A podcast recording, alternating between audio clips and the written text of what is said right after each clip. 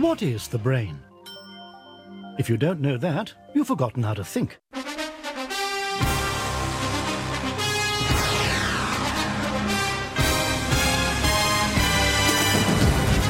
Please ensure you have your copybook at hand, as you'll be asked to take down notes from the screen at various points throughout the program. Du hører på uillustrert vitenskap.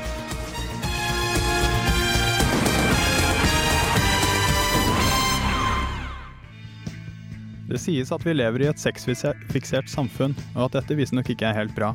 Det finnes jo langt viktigere ting å fokusere på. Men gjør det virkelig det? Fra et rent biologisk synspunkt, altså? Dette skal ikke vi ta stilling til i dagens sending, men én ting er klart, og det er at dyr er langt mer sexfiksert og langt mer kinky enn oss mennesker. Det skal vi snakke mer om i dag, men først skal vi høre uh, Radar Detector av Darwin Dees.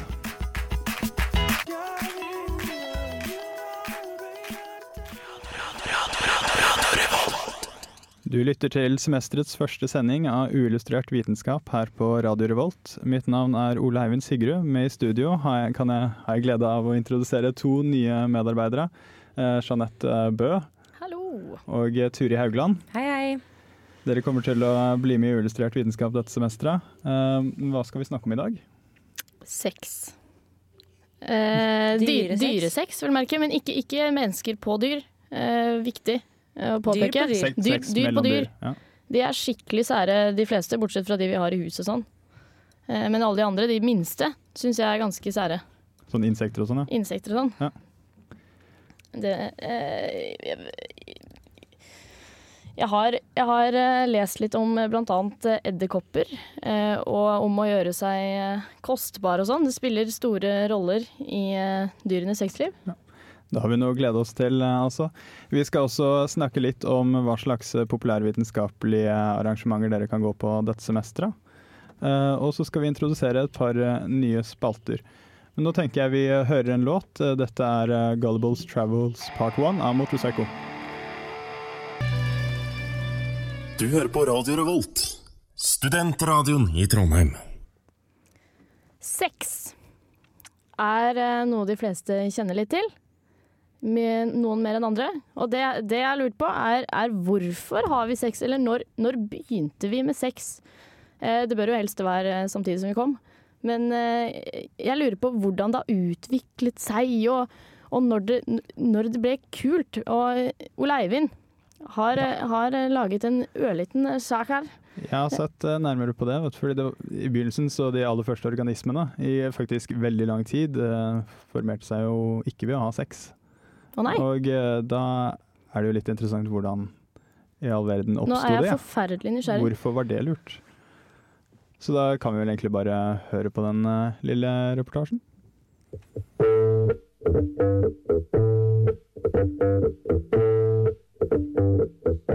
Hvorfor har vi egentlig sex? Spørsmålet virker kanskje litt dumt, men på et eller annet tidspunkt for svært lenge siden foregikk all formering aseksuelt. Hvorfor oppsto da kjønnet formering, og hvorfor ble det så populært? Nå formerer den store majoriteten av dyr og planter seg seksuelt. Det er tydelig at sexceller, også blant mikroorganismer for ca. 1 milliard år siden. Kjønnet formering er dog ikke uten ulemper. Organismer som formeres ukjønnet, vil formere seg langt raskere, og de trenger heller ikke bruke tid på å lete etter en partner. Likevel vet vi at det må være fordeler ved å formere seksuelt, siden det finnes arter som kan formeres på begge vis. Disse artene velger seksuell formering når de har mulighet til det, til tross for at de kunne latt være. Dette tyder på at det må være fordelaktig.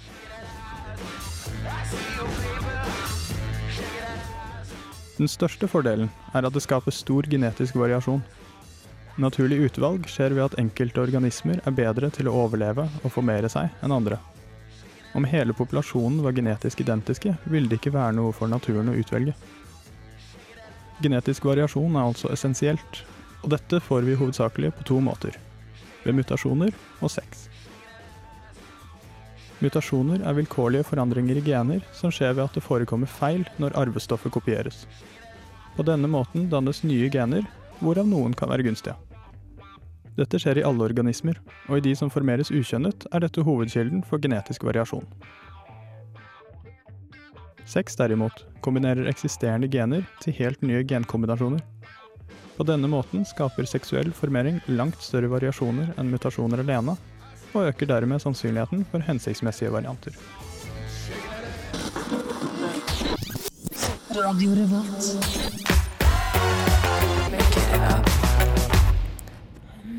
Der hørte vi eh, 'Lovesick' av Lindstrøm og Christabel her på Radio Revolt. Eh, Du lytter til Uillustrert vitenskap, og temaet i dag er sex blant dyr. Eh, De har jo ofte sex på ganske rart vis.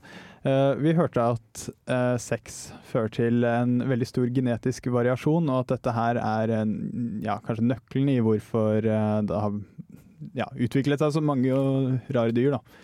Og, men når de først da har sex, så løser jo ikke det hele problemet, fordi da må de få seg en partner og finne seg partnere, og så må de konkurrere med alle disse andre dyrene, og da utvikles vanvittig rare sexvaner.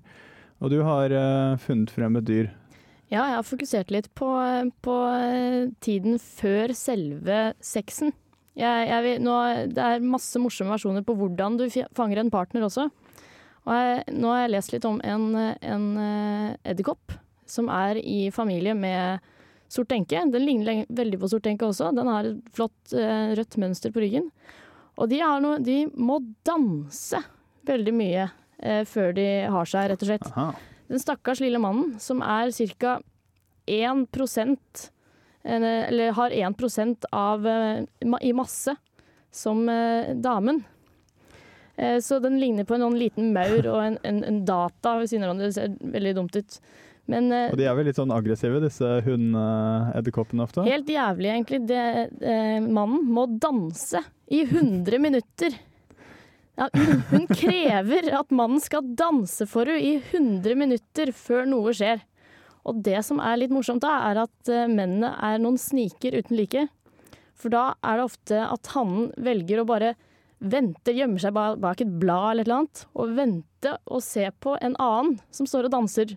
Og mens rett før han er ferdig, så sniker han seg innpå dama som han andre danser for, og har seg med henne. Før han som danser får noe som helst. Men det som er dumt med å faktisk få ha sex med denne edderkoppdamen, er jo at hun spiser henne etterpå.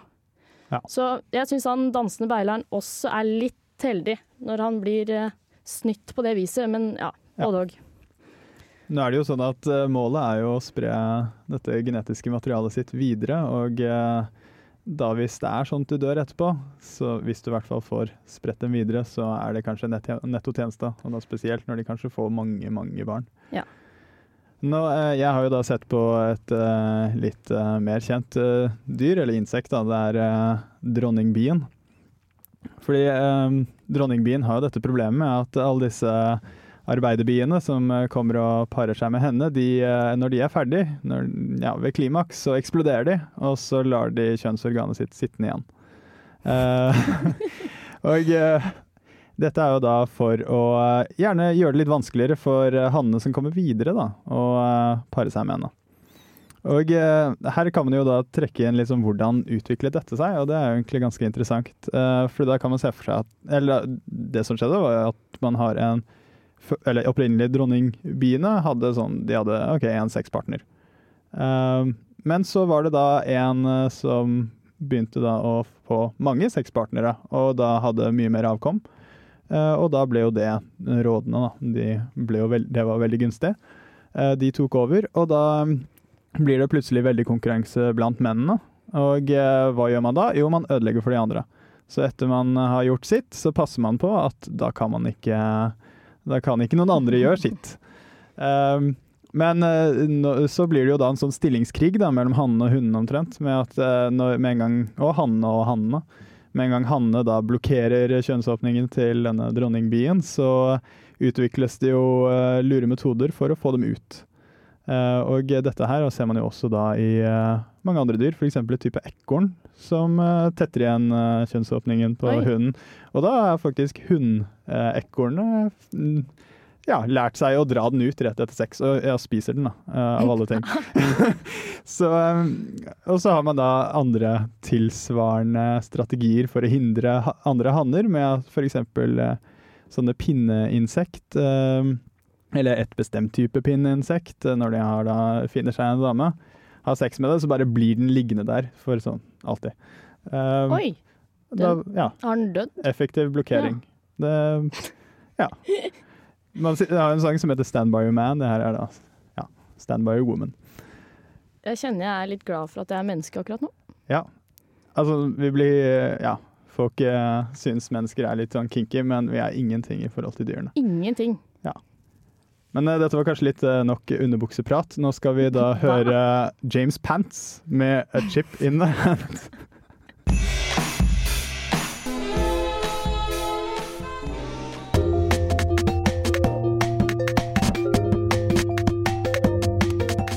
Ser du etter noen spennende arrangementer? Er du interessert i vitenskap, filosofi og forskning? Eller ønsker du kun å virke mer intellektuell overfor daten din? I så fall vil det skje mye spennende her i Trondheim dette året du ikke har lyst til å gå glipp av. NTNU og Det kongelige norske vitenskapers selskap satser i år hardt på populærvitenskapelig formidling. Satsingen kalles Kunnskapsbyen og arrangeres i forbindelse med NTNUs 100-årsjubileum og Det kongelige norske vitenskapers selskaps 250-årsjubileum. Kunnskapsbyens arrangementer vil dekke en lang rekke temaer, som f.eks. kjemi, kunst, trening, religion og arkeologi, og vil ta form av forelesninger, ekskursjoner, kurs og andre aktiviteter. Hva med f.eks. vin og viten? Det vil arrangeres siste onsdag hver måned, og temaene vil være innen filosofi og fysikk. For en fullstendig oversikt over Kunnskapsbyens mange arrangementer, gå inn på ntnu.no slash kunnskapskalenderen.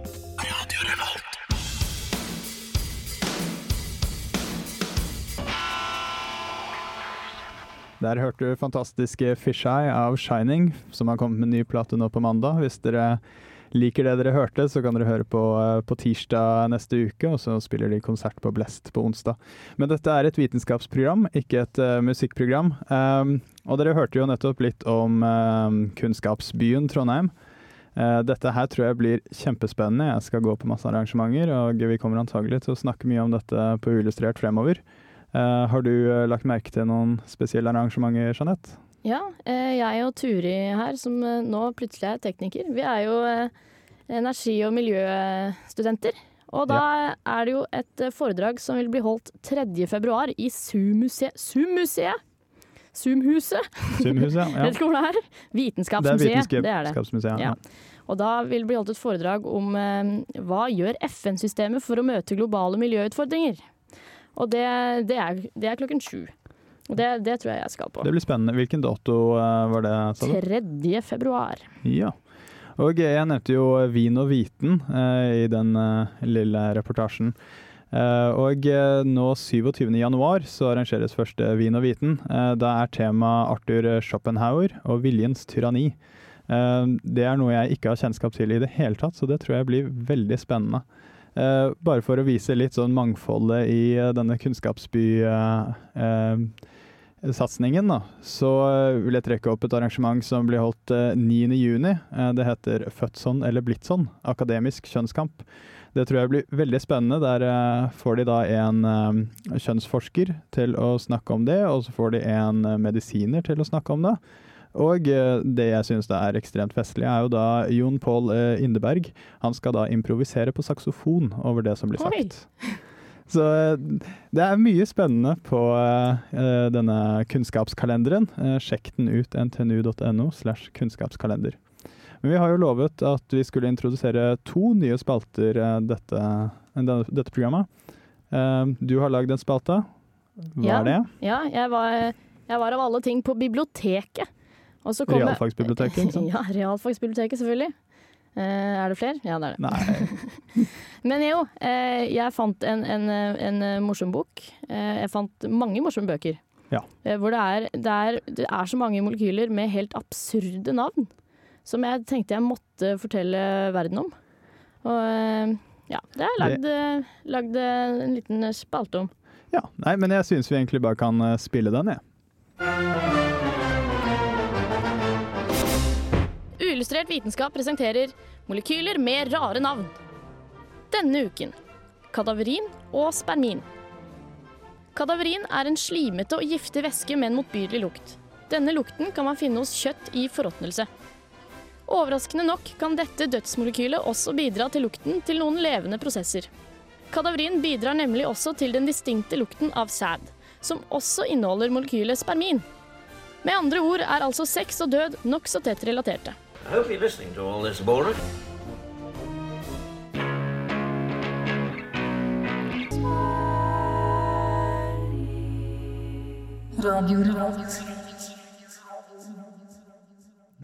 Fra snakk om uh, meget sexy dyr til uh, kanskje ikke fullt så sexy molekyler, så skal vi over til noe annet som da også er eh, legendarisk usexy. Eh, nemlig dansende fedre. Har du noe kjennskap til det fenomenet? Ja, ja, jeg er redd det. Ja. Uh, det. Det er vel noe som har plaga enhver sønn eller datter. Det, det har jo det. det. på i hvert fall sånne 50-årsdager og 60-årsdager og bryllup og sånn. Da er det helt ekstremt irriterende, faktisk. Ja, det er ufattelig lite som er så pinlig som dansende fedre. og dansende onkler og dansende andre tilsvarende eldre menn.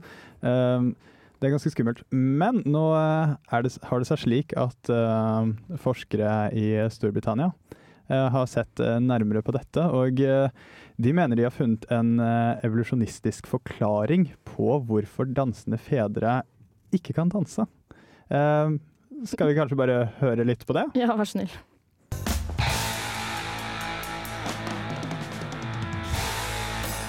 Det er lite som er like pinlig som når fedre danser. At det er et faktum, har lenge vært kjent. Men nå mener psykologen Peter Lovett at han har svaret på hvorfor det er slik. Fedre er rett og slett utviklet til å danse kloste. Det har en evolusjonistisk forklaring. Lovett har studert danseteknikken og selvtilliten til 14 000 personer, og studiet tyder på en sammenheng mellom dansing, hormonnivåer og seksuelt utvalg.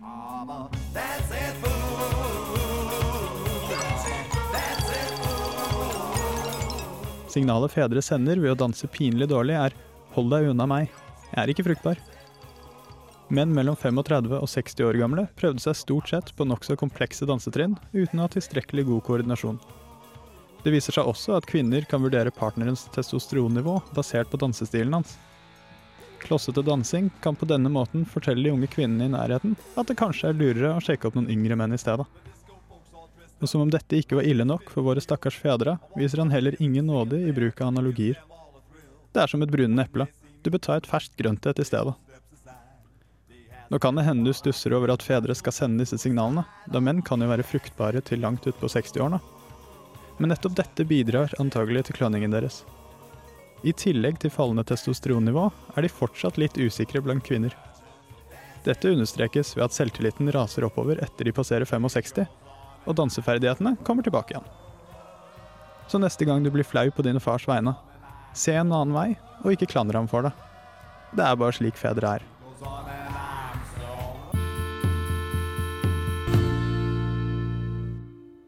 Der hørte vi 'Norway' av Beach House, som ikke er norske. Eh, og før det så hørte vi eh, om dansende fedre i det som er den nye spalten eh, Labdidab, som Turi kalte det.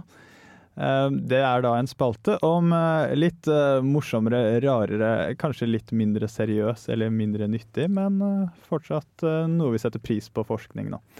Um, og dette um, forskningsprosjektet da, det så jo nærmere på hovedsakelig dansing og selvtillit. Og der var det jo ganske mye spennende da, det jeg fant frem til. Blant annet så var det det at hos uh, de, Alle hadde veldig urealistiske syn, eller ja, selvtillit da, på hvor gode de var til å danse. Alle trodde de var bedre enn gjennomsnittet, bortsett fra uh, gutter i puberteten. De trodde de var gjennomsnittlige.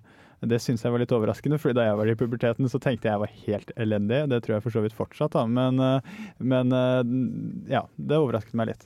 Eh, Og så så man da eh, at eh, den vokser da gradvis helt til man eh, eh, blir eh, sånn 35, og så går selvtilliten plutselig litt sånn ned da på menn. Eh, Og så skyter den opp igjen etter man blir 6, og, eh, nei, 65. Um, mens eh, kvinnene derimot, eh, de eh, stuper jo da når de blir eh, 65. Eh, men jeg lurer litt på eh, Hva med da de av oss som danser klossete når vi er unge? Hva tror du det betyr? Eh, ja, jeg har, jeg har jo innsett nå at jeg har jo gått for helt feil menn. Fordi de som danser klossete, hadde visst mindre testosteron, var ikke det du sa? Jo, eller det var, det, det Eller- var visstnok en sammenheng der. Ja. At de prøvde veldig komplekse dansetrinn og, uten å ha koordinasjon. For jeg har det med å, å kanskje finne, finne menn som, som ikke danser i det hele tatt. Det syns jeg er mer sjarmerende. Ja, det, det syns jeg er lurt. Det er riktig, Det- da, er det ikke? Da har de mer testos eh, Ja, da har de jo Nei, da, det var nettopp det de ikke hadde. Det var det de ikke hadde. Det er de Men- som danser. gjaldt heter de da klossete apene? middelaldrende menn, da. Hadde ikke det. Jeg, jeg må jo som en ikke spesielt dansende, eller i hvert fall ikke spesielt flink dansende gutt, i jo, eller ja, mann i ung alder, så vil jeg håpe at eh, det kun gjelder middelaldrende menn. Sikkert. Ja. Hva med menn som klarer å danse, da? Som går på dansekurs og lærer seg swing og alt sånt? Ja, nei, si det.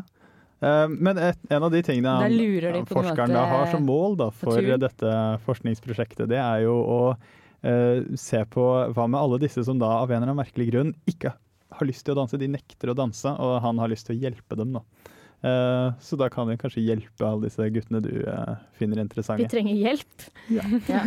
Det kan du si neste gang du er ute på dansegulvet til de som står i hjørnet og sånn. Mm. Du trenger hjelp, Ja. min gode mann. Ja, og det kommer. Det, forskningen er underveis.